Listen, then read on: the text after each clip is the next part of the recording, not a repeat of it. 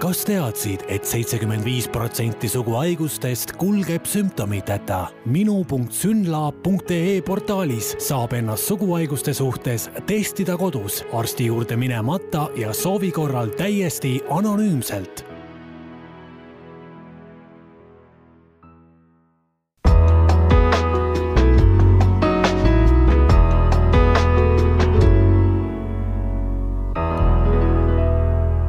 tervist teile, head kuulajad! Te kuulate taskuhäälingu saadet Tervist. minu nimi on Aive Mõttus, olen Maalehe ajakirjanik ja tervisetoimetaja. täna on mul saates äh, stuudiokülalisi täis, nii palju ei ole neid kunagi siin enne olnud. ja neid on kolm inimest. Synlabi infektsioonhaiguste juht doktor Paul Naaber, sama ettevõtte molekulaarbioloogia vastutav spetsialist Kaspar Ratnik ja laborispetsialist Andreo Lahesaare, tere! tere! tere! tere! Ja rääkima me hakkame sellisest raskest teemast nagu suguhaigused. on see raske teema? no meie jaoks mitte aga inimeste jaoks kindlasti on. ja piinlik veel peale selle, eks ole. aga alustame algusest. mis haigused need suguhaigused üldse on, kuidas neid defineerida? no võib-olla oleks õigem rääkida sugulisel teel ehk seksuaalsel teel levivatest infektsioonidest.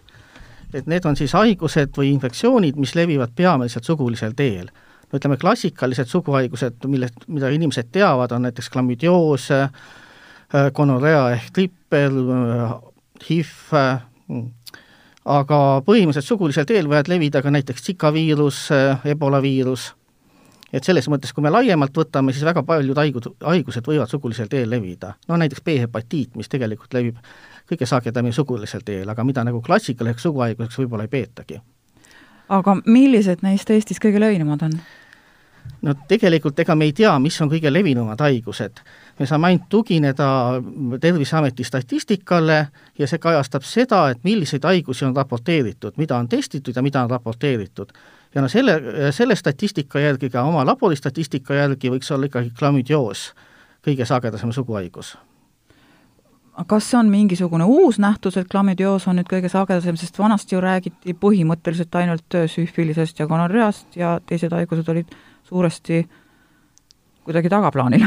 no eks see sõltub sellest, et mis, kuidas haigusi diagnoosida. et ütleme, klamüdioosi niisugune molekulaarne diagnostika algas ikkagi üheksakümnendate aastate võib-olla keskelt. et ja kui me vaatame oma statistikat, siis tegelikult siis oli hästi suur klamüdioosi tõus, sest enne seda lihtsalt ei diagnoositud ja siis see klamüdioosi sagedus, nagu ütleme, registreeritud juhud hakkasid langema ja võib-olla ka on, sõltub ka sellest, et tegelikult see diagnostika läks nagu spetsiifilisemaks, et valepositiivseid enam ei tulnud. kui nüüd üks inimene on endale klamüdioosi saanud, mida ta tunneb? mida ta märkab enda juures? no ütleme, üldiselt suguhaigused eh, üle poole kulgevad asümptomaatiliselt, et inimesel isegi kaebus ei ole.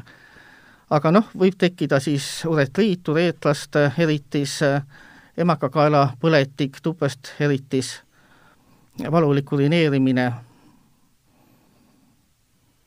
noh, et, et nagu tegelikult üsna keeruline, kui ikkagi üle pooltel juhtudel ei ole nagu mingeid nähte.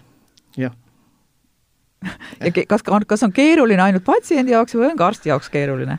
noh, eks keeruline kõigi jaoks see, aga jah, et kui on inimesel sümptomid, siis ta peaks kindlasti minema arsti juurde ja arst juba vaatab, et mis need põhjused võiks olla, sest need põhjused võib olla seal ilmselt mitte, aga ka muidu võiks äh, terved inimesed ennast testida, noh, äh, peale näiteks mingit kaitsmata vahekorda, kui on uus partner või on muidu kahtlus, et inimene on saanud suguhaiguse. keda üldse suguhaigused Eestis tabavad, kas on võimalik mingisugune statistiline pilt välja tuua? no põhimõtteliselt kõiki, kes on seksuaalselt aktiivsed. Et see ei ole sugugi mitte nii, et see on ainult mingisugune noorte inimeste haigusgrupp? ei noh, jällegi meil on ainult ametlik statistika, kus me näeme, et äh, mis grupp, vanusegruppides on kõige rohkem haigestumist, aga tegelikult ka see, see peegeldub ka seda, et keda kõige rohkem uuritakse. ja keda meil siis kõige rohkem no, uuritakse? no kui me vaatame oma näiteks klamüdioosi puhul, siis enamus äh, nakatunutest on naised ja kuskil seal ikkagi nooremas eas, kakskümmend, kolmkümmend, nelikümmend aga noh, ilmselt naised, selles vanuses naised käivad kõige sagedamini ka arsti juures, günekoloogi juures rutiinselt ja selle tõttu ka neilt võetakse proove kõige rohkem. et ja ilmselt, ja meestel me leiame suguhaigusi tunduvalt harvem, vähemalt on registreeritud, ja ma arvan, et pigem see on tingitud sellest, et mehi nii hästi ei uurita, mehed ei tule arsti juurde. sest kui me vaatame näiteks Euroopa keskmist statistikat, siin klamüdioosi puhul siis ja gonorrea puhul, siis enamus on ikkagi mehed, Eestis on enamik, valdav enamik naised mm. -hmm. aga Kaspar Rätnik, teil on lisada? jaa, ma tahtsin täiendada Paulile seda, et äh, kui ta mainis, et klamüüdiat naistel leitakse rohkem, siis äh, peab arvesse võtma ka seda, et äh, need proovid, mis meile jõuavad, nendest ligi kaheksakümmend protsenti on naisterahvastelt. et, äh, et järjekordselt meil neid mehi uuringutesse tuleb väga vähe ja tegelikult me ei oska läbi selle siis nii-öelda tagasi peegeldada seda, et, et kes siis on need äh, nakatunud, kes on kandjad ja kes siis rohkem nii-öelda seda edasi levitavad no vot, see tegelikult nagu ennetaski ära minu järgmise küsimuse või, või niimoodi osaliselt, et kes, kes levitavad suguhaigusi rohkem, kas pigem mehed või pigem naised? raske vastata ilmselt. seda on raske vastata, et kui me vaatame maailma statistikat, siis võiks pigem olla mehed mm. -hmm. Aga meil tuleb noh, kuna naisi uuritakse rohkem, tuleb pilt välja, et tegelikult on naised. aga noh, see ei pruugi nii olla. ei pruugi, absoluutselt. kuidas nüüd need mehed arsti juurde saada? olete te selle peale mõelnud, ise kõik mehed siin ka? ma arvan, et see on nagu üldisem küsimus, et kuidas mehi üldse arsti juurde saada, ka, ka muude haiguste puhul. et eh, ma arvan, ka perearsti praktikas enamik, kes arsti juures käivad, on naised. no suures enamuses küll jah, ma arvan. Mhm. no eks ta langeb äh, tugevasti kokku niisuguse äh, mehe loomusega, kes arvab, et ta on äh, terve ja tugev, et ega ta ennem arsti juurde ei lähe, kui tõesti on äh, tõsine nii-öelda juhtum käes või, või mingi sündroom selles mõttes, et äh, aga äh, aga tõesti, selles mõttes meie kindlasti julgustame alati kõiki mehi isegi nii-öelda terves olekus käima siis äh, ennast äh, kontrollimas, on see siis screening või mingi muu programm, aga, aga igal juhul oma tervise eest tuleb hoolitseda. Ja igas mõttes, eks ole, nii südame tervise eest kui lihaste tervise eest ja ja ka muude suguelundite tervise eest, eks ole. nii et äh, aga, aga räägime nüüd sellest, äh, kuidas on endale võimalik üldse üks suguhaigus külge hakkida, et kuidas sellesse nakatutakse, kas saunalavalt võib saada äh, suguhaiguse, kas avalikust tualetist võib selle saada e,? Tegelikult ega ikka ei saa, see on ikkagi, vajab äh, kahte partnerit või siis tõesti rohkemat, on ju, et see on äh, ikkagi partnersuhe ja, ja ülekanne ikkagi seksuaalkontakti teel. et ähm, on see siis äh, heteroseksuaalne suhe muidugi võib ka homoseksuaalne suhe olla see, mille kaudu äh, suguhaigused edasi levivad ja võib-olla siin nii-öelda piiride avardamiseks tegelikult tuleks ka natuke julgemalt rääkida nii-öelda seksuaalpraktikast või, või sellisest nagu äh, käitumusest, et äh, tegelikult me, me teame väga palju uuringuid, kus, kus on siis vaadatud seda, et kuidas inimeste meelsus ja praktika on ajas muutunud. Ja, ja näiteks siin Suurbritannia uuringud on väga selgelt välja toonud, et, et inimesed on läinud vähemalt uuringute andmetel palju avameelsemaks, mis tähendab seda, et tõesti siis ollakse seksuaalsuhtes äh, kas siis äh, äh, anaalsuhtes või tõesti ka nii-öelda selles suuseksi suhtes. Äh, ja ka selline avameelsus, et, et kas üks või mitu partnerit on okei okay või mitte, et see on tunduvalt lõdvemaks läinud.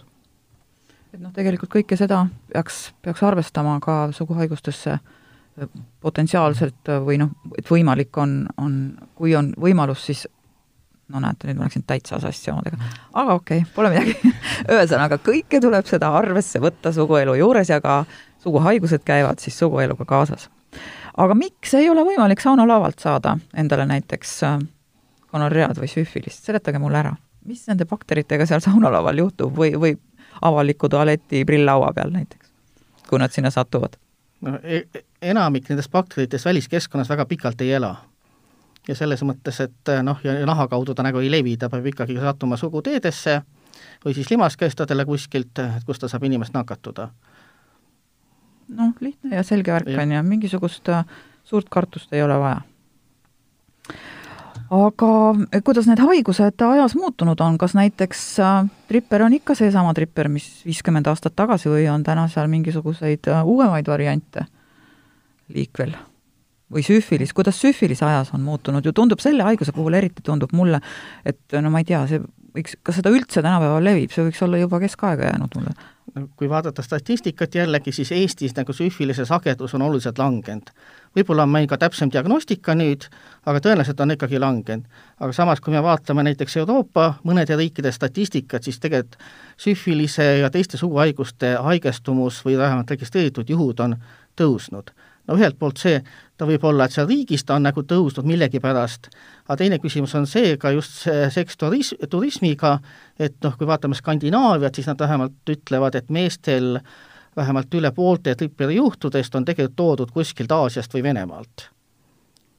ja mis nüüd selle, kui rääkida sellest tripperist, siis oli siin jah, eelmine aasta oli ajakirjanduses ka juttu nii-öelda sellest supertripperist, mis tegelikult ei ole midagi muud kui, kui üks lihtsalt ravimiresistentne tüvi ja neid ravimiresistentsust just leidub Aasias suhteliselt palju.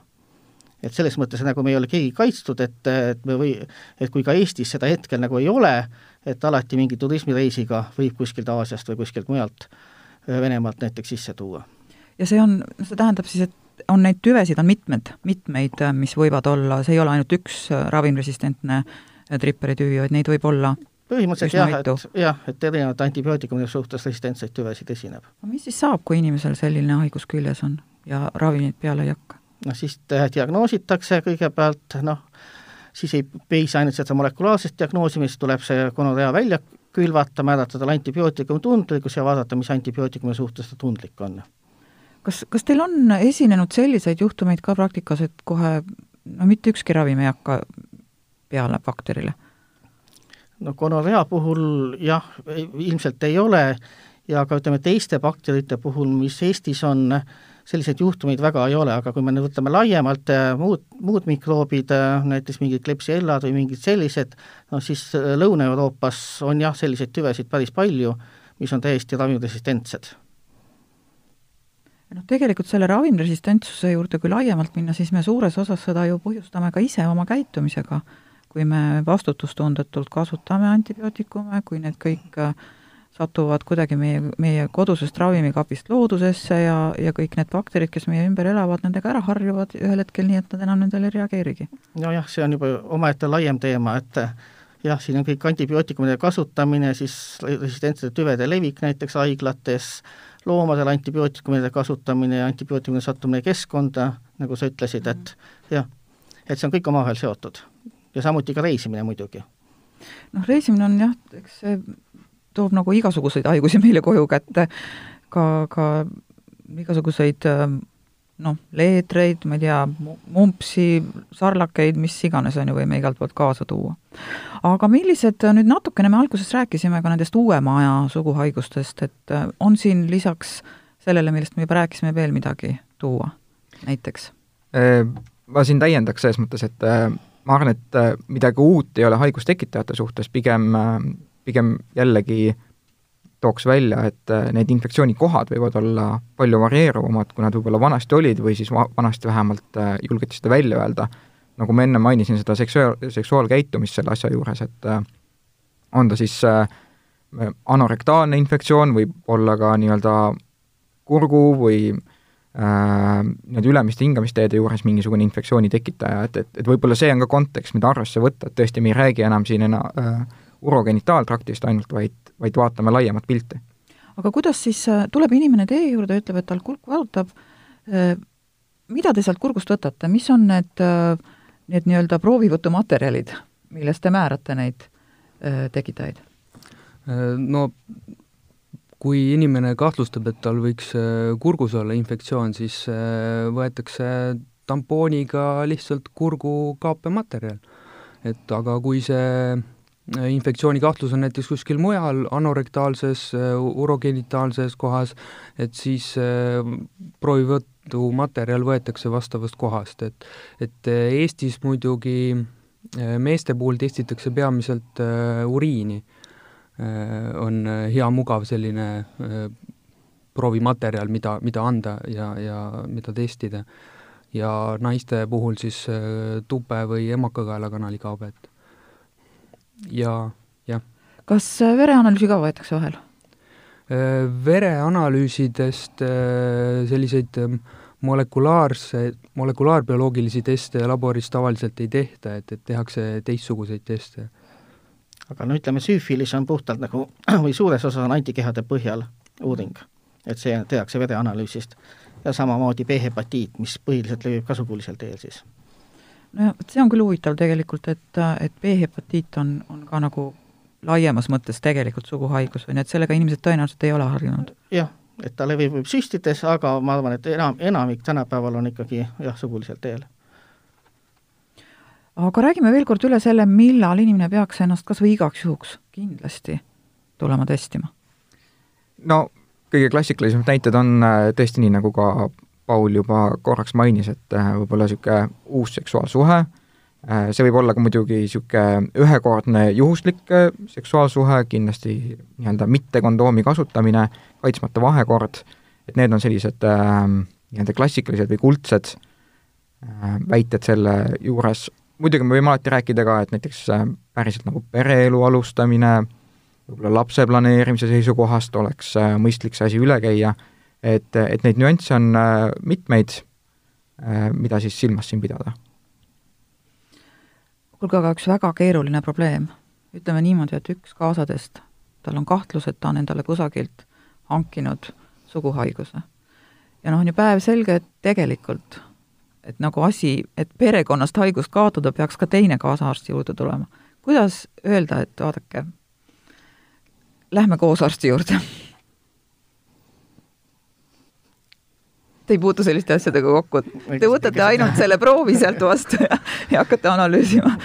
ma arvan, et ega siin keegi kindlalt, väga kindlalt kõigi juhtude kohta ei oska öelda, et kuidas seda teha, aga no kindlasti peaks kõiki partnereid uurima. et ausus on hästi oluline selles asjas. just. Et olgugi, noh, oli jah, libastumine, no mis teha, on ju. aga sellest tegelikult võib ju ainult hullemaks minna ega see haigus iseenesest ära ei kao, selliseid juhtumeid teil ei ole ette tulnud? no põhimõtteliselt ega haigus võib ise ka ära kaduda, aga ta võib minna ka krooniliseks, anda tüsistusi isegi, kui kaebus ei ose, ole põhjustada viljatust ja noh, teisi tüsistusi. no nii, aga räägime veel kord, õieti me pole sellest rääkinud, anonüümne testimine. see on noh, niisugune tegelikult mugav variant ju jaa, see on tõesti mugav variant, et, et kuna endiselt eh, on üsna tabuteema, suguhaigused, ja paljud inimesed ei julge selle tõttu pöörduda arsti poole. et eh, nagu me teame, siis võib-olla just mehed eh, on rohkem, võib-olla pelgavad seda. Ja Eestis on tegelikult olnud juba kümme aastat võimalik ennast anonüümselt testida, et kuidas see käib, kuhu tuleb minna? Äh, minnes internetileheküljele minu.synlab.ee äh, on võimalik seal luua anonüümne konto ja tellida omale siis äh, enam levinud suguhaiguste teste, kus siis proovivõtukomplekt saadetakse lähimasse pakiautomaati ja selle proovivõtukomplektiga on kaasas siis proovivõtujuhend Äh, proovivõtukomplekt ja kõik on nagu väga mugavaks ja kergeks tehtud, et inimene saaks ise selle proovi võtmisega hakkama ja ta saadab selle laborisse tagasi ja, ja mõne päeva jooksul tulevad siis vastused. kas need proovid, mis teieni jõuavad niiviisi võetuna, et inimene ise võtab, kas need on sellises seisukorras või noh, nii hästi võetud, et te saate neid analüüsida? jaa, reeglina küll jah, et, et see protsess on äh, äh tehtud siis võimalikult selliseks, et, et, et see proovivõtt, et inimene saab selle proovi võtmisega ise hakkama ja see on piisavalt kvaliteetne, et, et sealt äh, laboriteste siis teha et noh, tegelikult on tehtud maailmas ka uuringuid ja võrreldud neid proove, mis on nagu arsti võetud ja mis on patsiendi enda võetud, siis tegelikult ega seal kvaliteedis erilist vahet ei ole. et selles mõttes on täiesti adekvaatsed proovid et ei ole mingisugust raketiteadust äh, selle proovi võtmise juures, igaüks saab hakkama? jah. aga kus, äh, kus teil need laborid asuvad üle Eesti, on teil, äh, ma ei tea, igas linnas, külas no.? Ma siis täpsustan, et nii-öelda see kõige suurem kesklabor on Tallinnas, Veerenni tänaval, aga nii-öelda meil on veel Tartus üks labor ja lisaks on meil äh, väga palju selliseid äh, verevõtukohti või selliseid äh, kohti, kuhu siis patsient saab tõesti minna, sealt siis hankida selle komplekti, tegelikult ka nii-öelda üle lauateeninduse mõttes, ja ka selle sinna tagasi viia, et, et tõesti, me katame ära põhimõtteliselt kõik Eesti sellised suuremad linnad ja ka väiksemad kohad siin võib välja tuua Põltsamaa, Elva, Jõhvi, Pärnu, et, et tõesti ka sellised kohad on olemas, Võru, Kuressaare, et, et need, et see kaetus on vägagi mõistlik. Selles mõttes siis on ikka täitsa kindel, et kui inimesel mure on, siis ta leiab selle koha, kuhu minna, et et tal ei jää sellepärast analüüs tegemata, et, et ta ei leia kohta, kus seda anda. Just, noh, lisaks, nagu juba mainitud, on ka pakiautomaatide süsteem olemas, et äh, neid on siin üle Eesti tegelikult ju, see laieneb kogu aeg pidevalt, et, et see lisab tegelikult ka sellele teenusele sellist mugavust ja anonüümsust juurde, et pakiautomaadid on tihtipeale kättesaadavad kakskümmend neli seitse, et, et meil ei ole vahet, kas see proov antakse üle kas või öösel nii-öelda sinna pakiautomaati. kui paljud teie laboris tehtud proovidest on anonüümseid proove umbes? meil äh, ausalt siinkohal sellist nagu ei ole head vastust praegu öelda. Äh,, kindlasti enamus neist on anonüümsed, kui me räägime sellisest klassikalisest testi kodus funktsioonist. Äh, küll aga me julgeme välja öelda seda, et, et äh, enamus nendest proovidest on meesterahvaste antud, nagu ma juba alguses mainisin, et arsti juures käinud proovidest meile ainult kakskümmend protsenti on meeste proovid, siis nii-öelda anonüümse testimise puhul on see vahekord vastupidine, et ligi kaheksakümmend protsenti on meesterahvad, kes annavad siis oma proovid sellise teenuse kaudu no nii, aga nüüd on äh, selle isikliku eeskuju andmise kord või see koht, et äh, kolm meest siin rivis, nii, te olete kõik neid proove andnud mingitel asjaoludel oma elus, kui on vaja olnud? jaa, HIV-i suhtes kindlasti ja hepatiidid olen testitud, jah. nii no. et äh, ei ole, ja täitsa elus ei ole midagi juhtunud sinuga? ei. ei, ja, ja ega ei äh, juhtugi midagi, et ütleme, kui me räägime siin uriiniproovi andmisest äh, klassikalises mõttes, siis see ei ole mitte kuidagi niisugune invasiivne protseduur, kus peaks kaasnema mingisugune valulikkus või, või ebameeldivustunne, et äh, mina ei näe siin küll mitte mingisuguseid selliseid takistusi, et äh, miks äh, mehed ei peaks ennast screen ima ja oma tervisest lugu pidama. ja muidugi ka oma partneritest lugu pidama. no see on ka oluline moment, et tõesti üksteise vastu tuleb olla aus ja hooliv. aga on teil veel midagi öelda äh, inimestele, kes täna meie saadet kuulavad? keeruline teema, raske, piinlik, aga samas tegelikult ju nii väga õudne ei ole üldse. ei, ainult julgustaks mehi, et tulge ennast testima. Et mina julgustan ka ja tõesti, mehed, hoolige oma tervisest, hoolige oma kaaslaste tervisest ja minge ennast testima ja täna olid saates külas meil Synlabi infektsioonhaiguste juht doktor Paul Naaber, sama ettevõtte molekulaarbioloogia vastutav spetsialist Kaspar Ratnik ja laborispetsialist Andrea Laare, Lahesaare. aitäh teile! aitäh! aitäh! head kuulajad, te kuulasite taskuhäälingu saadet Tervist! Saate leiate Delfi podcastide pesast tasku, nutirakendustest Spotify, Apple Podcasts, SoundCloud ja teised. hakake jälgijaks ja kuulake just teile sobival ajal ettepanekuid teemade kohta, mida saates käsitleda, ootan teilt e-posti teel aadressil tervist.maaleht.ee. minu nimi on Aive Mõttus, olen Maalehe ajakirjanik ja tervisetoimetaja. tervist teile!